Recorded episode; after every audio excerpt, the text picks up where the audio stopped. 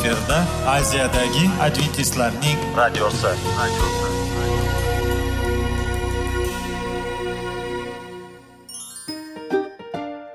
Assalomu alaykum aziz radio tinglovchilar.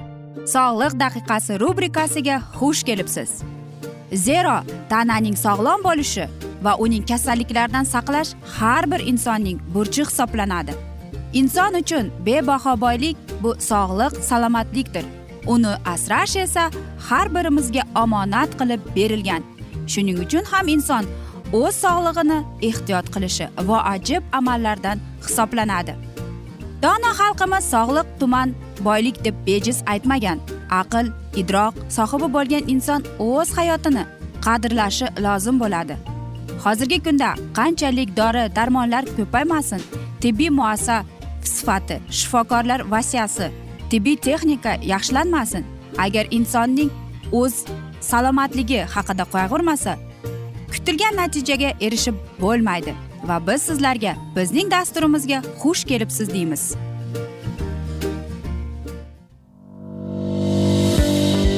Sog'liq daqiqasi soliqning kaliti qiziqarli ma'lumotlar faktlar. Har kuni siz uchun foydali maslahatlar. Sog'liq daqiqasi rubrikasi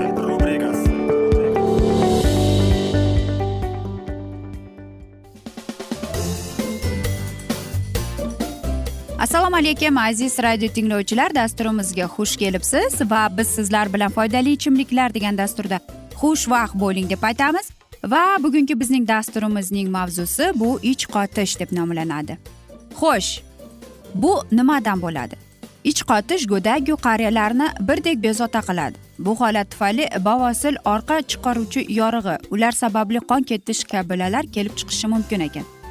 Qabziyat aziyat deb bejiz aytishmagan.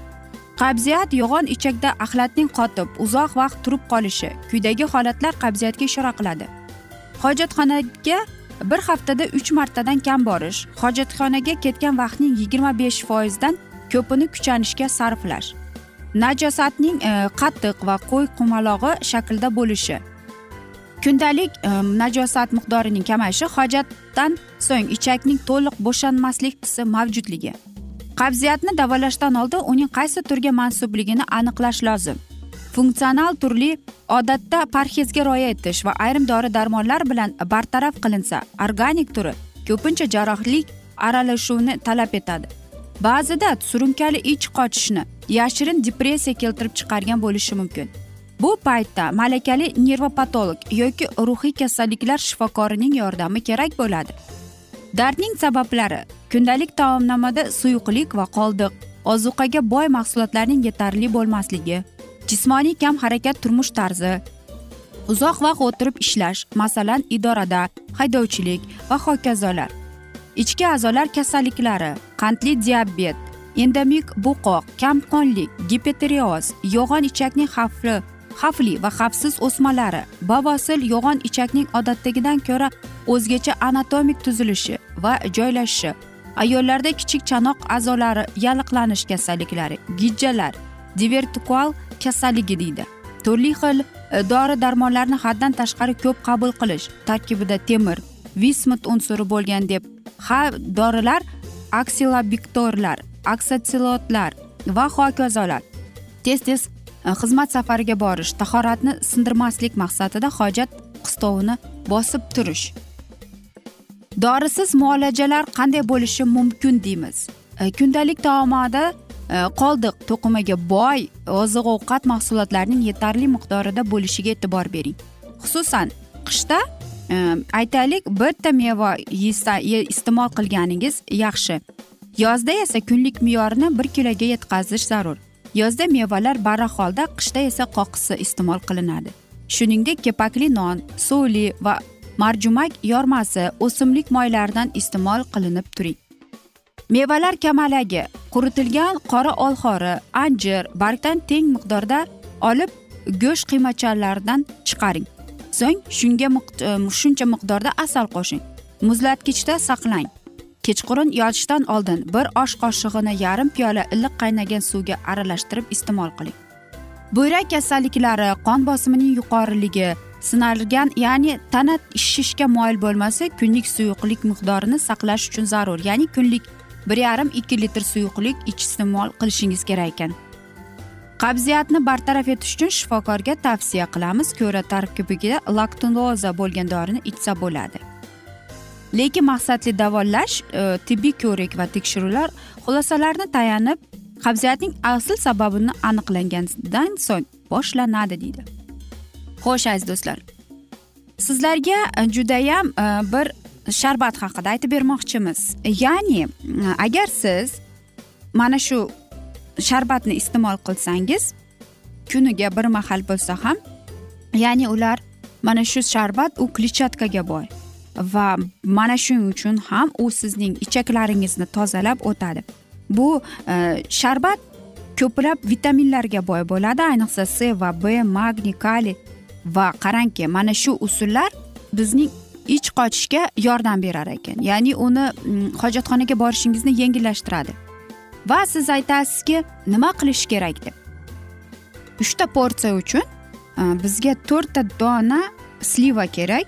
To'rtta dona finik kerak bir dona banan kerak ikki dona ikki osh qoshiq e, bizga kerak e, lion va ikki osh qoshiq bizga bug'doy kerak va bir stakan apelsin sharbati kerak. Bularni hammasini blenderda aralashtirib bir qo'ltlab e, ya'ni suyuqlikka kelgunga qadar aralashtirasiz va kunda bir kunda bir mahal Э, buni iste'mol qilasiz. Xo'sh bu qanday xususiyatlarga ega bo'ladi bu sharbat? U birinchidan sizning ich qotganingizni yumshatadi.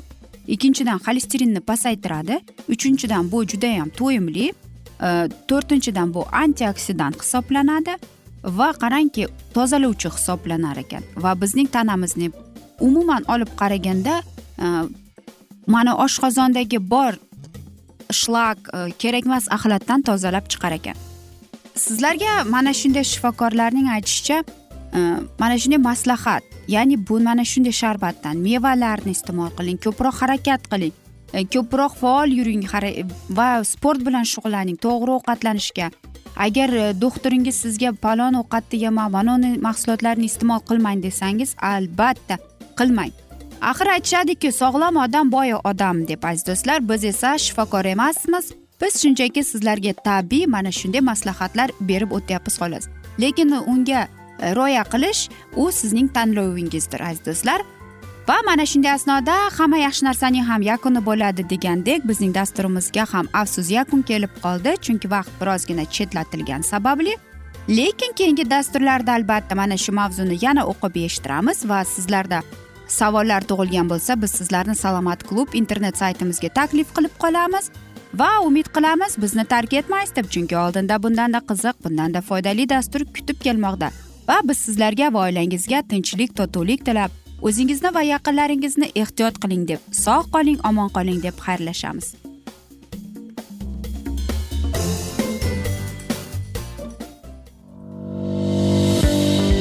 Sog'liq daqiqasi soliqning kaliti qiziqarli ma'lumotlar faktlar.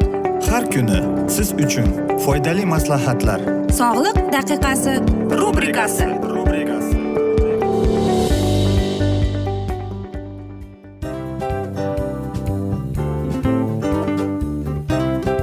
Mana ha hayotda hamma narsaning yaxshi narsalar tugaydi va yakunlaydi degandek bizning dasturimizga ham yakun keldi.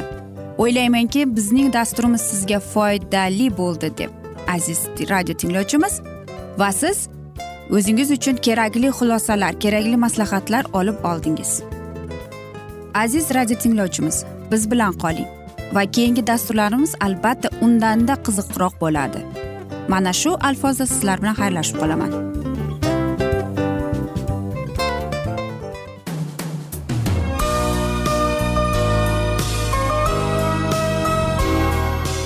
Efirda aziyadagi adventistlarning radiosi.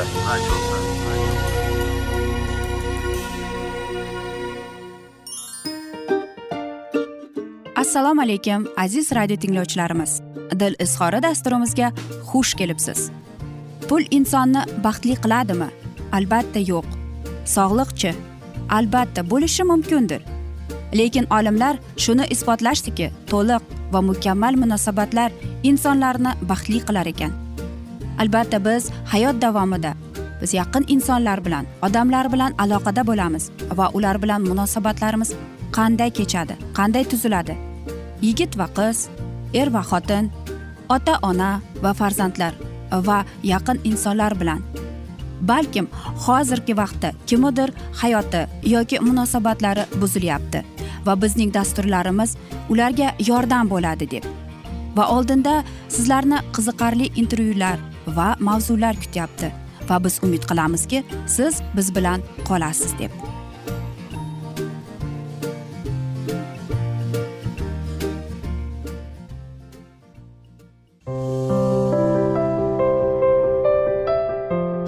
Kuni har xil kasbdagi odamlar bilan sirlashish va bo'lishish sevgi rashq munosabat bularni hammasi dil izhori rubrikasida.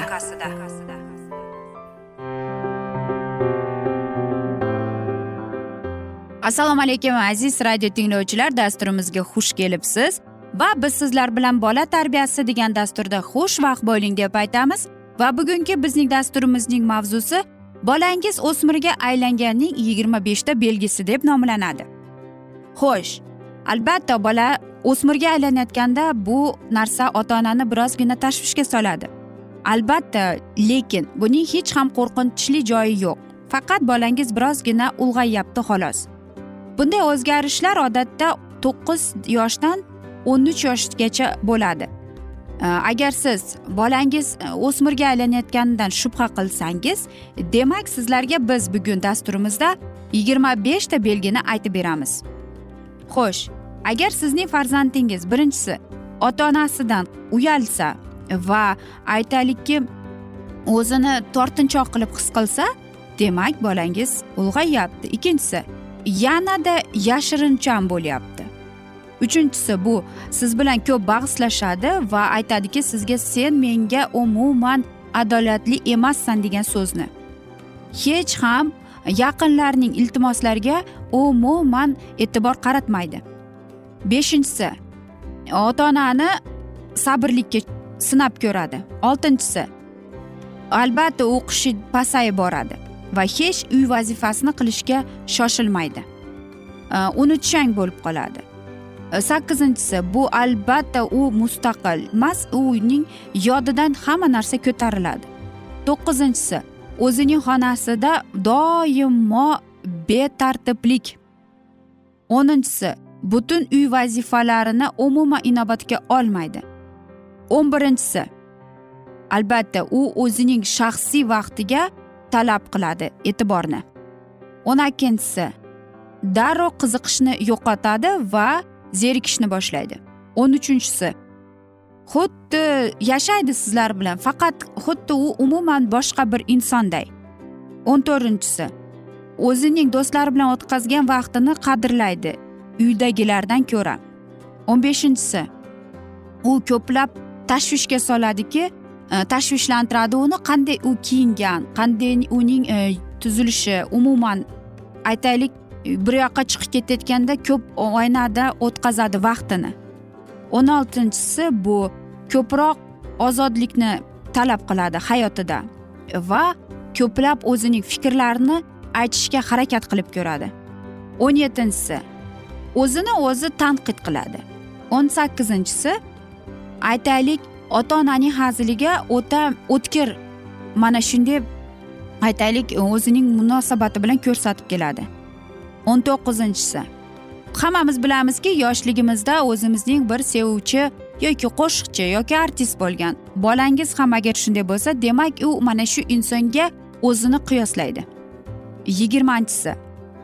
Judayam ko'p yomon kayfiyatda bo'ladi va tezda tashvishga qo'ladiki va hissini ushlab tura olmaydi. Yigirma birinchi e, bu ko'proq e, narsalarni qabul qilmaydi va Э, o'zlarining tengdoshlari orqasidan salbiy narsalarga duch keladi. Yigirma ikkinchisi judayam kech yotadi va tungi hayotning rivojiga olib keladi. E, yigirma uchinchisi ko'p vaqtini ijtimoiy tarmoqlarda o'tkazadi va internetda umuman olib qaraganda vaqtini ko'p o'tkazadi. Yigirma to'rtinchisi bu albatta qanday bo'lmasin u o'zini aytaylik kuchli yoki nimjon qilib ko'rsatib keladi. Yigirma beshinchisi u o'ylaydiki ota onam menga har doim ham kerak yoki aytadiki ota onam menga g'amxo'r qilayotgan bo'lsa demak ular menga e, qarzdor va ularning vazifasi deb biladi. Albatta o'smir yoshi bu judayam qiyin davr ota ona uchun. Xo'sh demak bu davr nimani bildiradi? E, bola bilan ota onaning o'rtasida chiziq paydo bo'ladi ya'ni chegara paydo bo'ladi. Eng asosiysi e, hissiy e, mana shu yaqinlikni yo'qotmaslik kerak. Xo'sh nima qilmaslik kerakki bolani oldingizda ushlab turish uchun? Hech qachon bolangizni tanqid qilmang. Albatta mana shu davr o'tadi ketadi. Faqatgina bir narsani unutadiki ota onalar bola masalan sizda o'g'il farzand va mana shu o'g'il farzand ulg'ayib u yigit bo'lyapti. Qiz esa qiz bola bo'lyapti. Xo'sh o'tish davri ota ona uchun bu katta stress hisoblanadi deyishadi. Albatta buning o'zgarishlari bor. Bu eng minnatdor bo'lmaydigan vaqt deyishadi psixologlarning. Va qarangki ko'plab ota onalar o'zining qiziqishlarini surib qo'yadi. Lekin bir narsani unutib qo'yadiki bir narsa hech qachon bolangiz bilan o'zingizning orangizda chegarani o'tkazmang. Xo'sh aziz do'stlar. Albatta bola katta bo'ladi farzandlar o'smir yoshiga keldi. Lekin mana shu o'smir vaqtini qarab ko'rsangiz e, bolangiz qanday o'zgarayotganini ko'rasiz. Albatta mana shunday asnoda siz o'zingizni sabrli qilib ko'rsatishingiz kerak. Va biz sizlarga aytdikki e, mana shu oiladagi muhit bolaning kelajakdagi bo'layotgan Э, mana shunday ta'siriga ega bo'ladi. Oilada sevgi muhabbat hurmat bo'lsa demak u ham mana shunday bo'ladi. Bu o'tadi ketadi bu davr. Lekin ota ona mana shu davrda e, qo'polcha qilib aytganda sochlari oqarib ketadi. Shuning uchun to'g'ri tarbiya berish faqatgina ota onaning qo'lidadir. Va aytamizki bola sizniki tarbiya ham sizniki deymiz. Aziz do'stlar hamma yaxshi narsaning ham yakuni bo'ladi degandek bizning dasturimizga ham afsus yakun kelib qoldi. Chunki vaqt birozgina chetlatilgan lekin keyingi dasturlarda albatta mana shu mavzuni yana o'qib eshittiramiz. Va umid qilamizki siz bizni tark etmaysiz deb chunki oldinda bundanda qiziq bundanda foydali dasturlar sizni kutib kelmoqda. Biz sizlarga oilangizga tinchlik totuvlik tilab va albatta seving seviling deymiz. Farzandingizni seving deb xayrlashib qolamiz.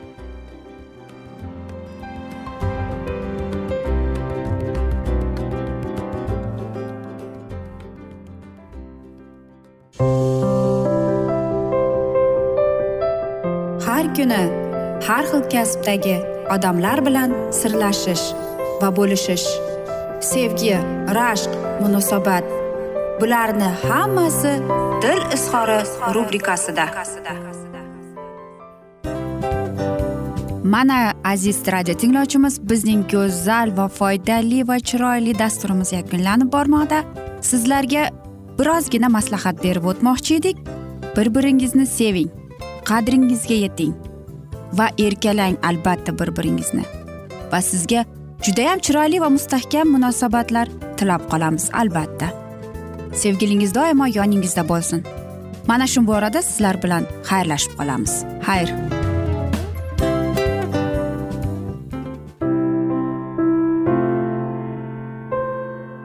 Hayotning noni.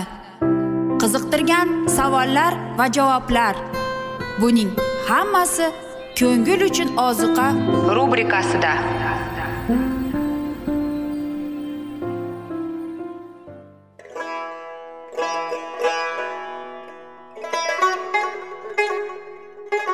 Assalomu alaykum aziz radio tinglovchilarimiz.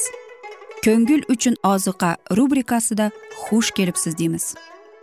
Siz haqiqatni izlayapsizmi? Olamnimi? Umidnimi? Siz kimga murojaat qilmoqchisiz? Odamlar ko'pincha siyosat kuchiga tayanadilar. Dunyo iqtisodiyoti holati tobora chuqurlashib bormoqda. Tabiiy ofatlar va texnogen halokatlar minglab insonlarning hayotini olib ketib juda katta zarar yetkazmoqda. Sizga abadiy hayot inomini hadya qiluvchi va hayotingizni tubdan o'zgartiruvchi haqiqatni izlab toping. Xudo haqidagi haqiqat uning kalomida mujassamlashgan. Kimki bu haqiqatni butun qalbi bilan izlasa albatta unga yetishadi. Bu sevgi xudoning tarixidir. Hayotingizda yoki sizning yon atrofingizdagi olamda nimalar yuz berishidan qat'iy nazar? Siz ertagi kunga buyuk umid va ishonch hosil qilishingiz mumkin. Hozirda xudo sizga taklif qilayotgan umid ishonchga o'z qalbingizni oching va sizni qiziqtirayotgan mavzularni savollaringizga javoblaringizni topib olasiz deb umid qilamiz. Biz bilan qoling.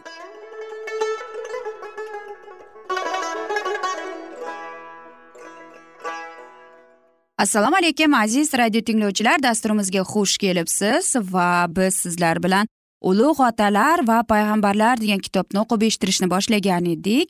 Va bugungi bizning dasturimizning mavzusi vasvasaga tushish va jannatdan chiqish deb nomlanadi va biz sizlar bilan o'tgan galgi mavzuni bugun davom ettiramiz. Xudovand karim odamga xitob qildi.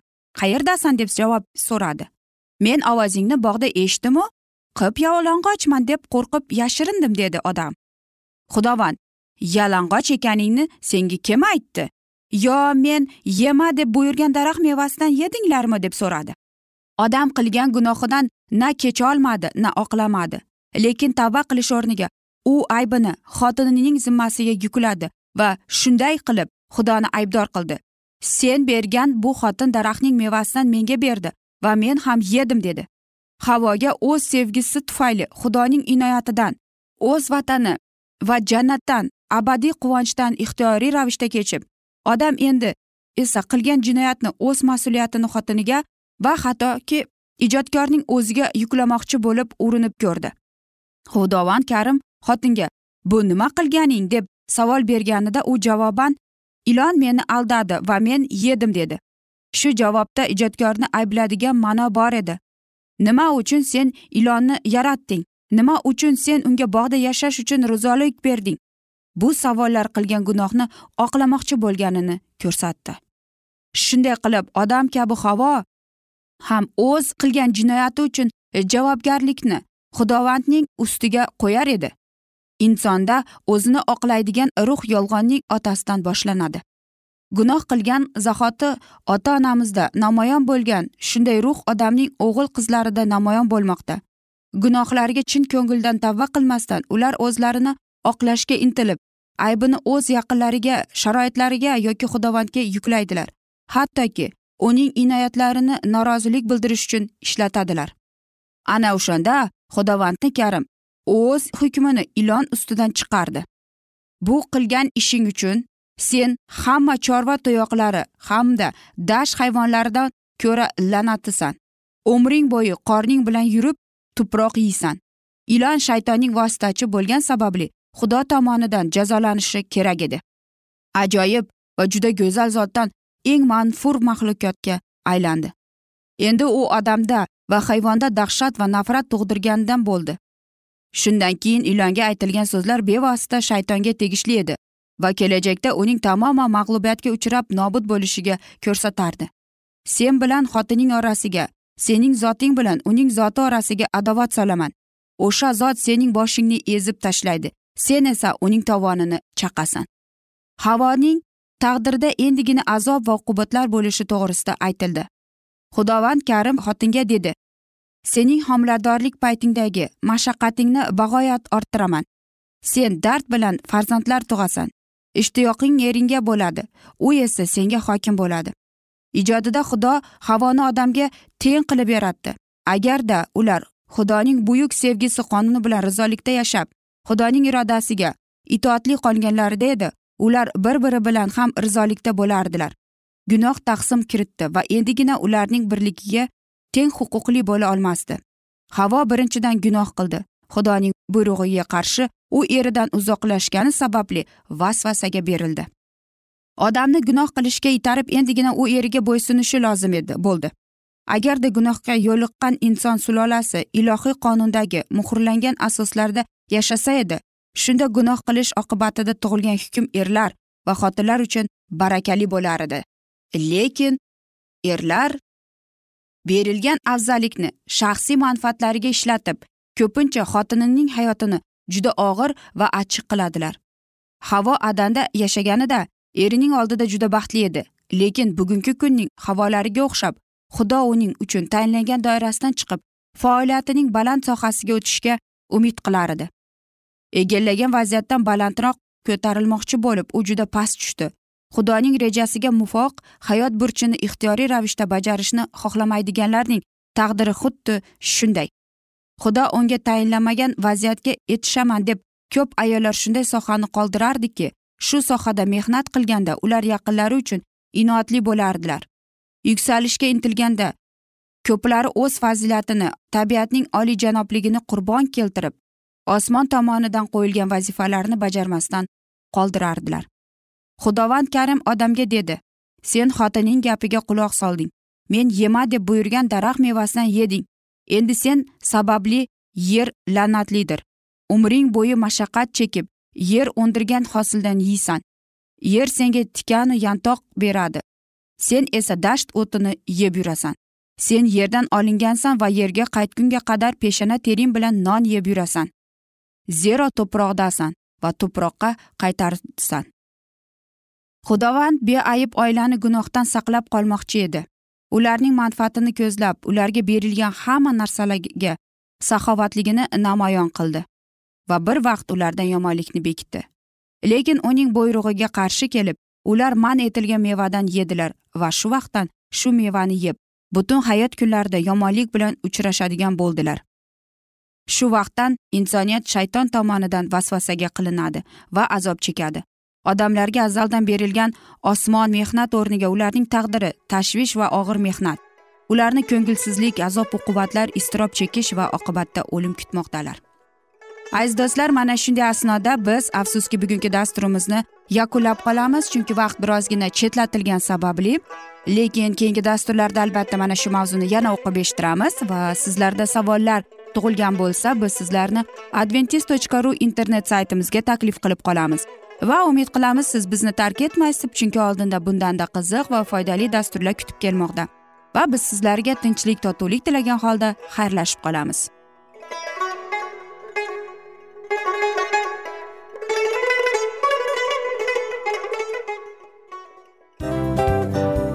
A afsus afsus. Hamma yaxshi narsaning ham yakuni bo'ladi degandek bizning foydali va qiziqarli dasturlarimiz ham yakunlanib qoldi. Va men umid qilamanki bizning dasturlar sizga ozgina bo'lsada maslahat berdi foyda berdi. Va sog'liq borasida ayniqsa sizlarga foydali bo'ldi deb. Va siz bizning maslahatlarga amal qilasiz deb. Albatta keyingi dasturlarda undanda qiziqroq undanda foydaliroq ma'lumot berishga harakat qilamiz. Undada qiziqroq ko'rsatuvlar sizlarga hadya etishga harakat qilamiz. Bizni tanlaganingizga albatta sizlardan minnatdormiz. Sizlarga baxt omad va sog'liq tilab qolgan holda mana shu alfozda sizlar bilan xayrlashib qolamiz. O'zingizni ehtiyot qiling sog' bo'ling omad sizga xayr.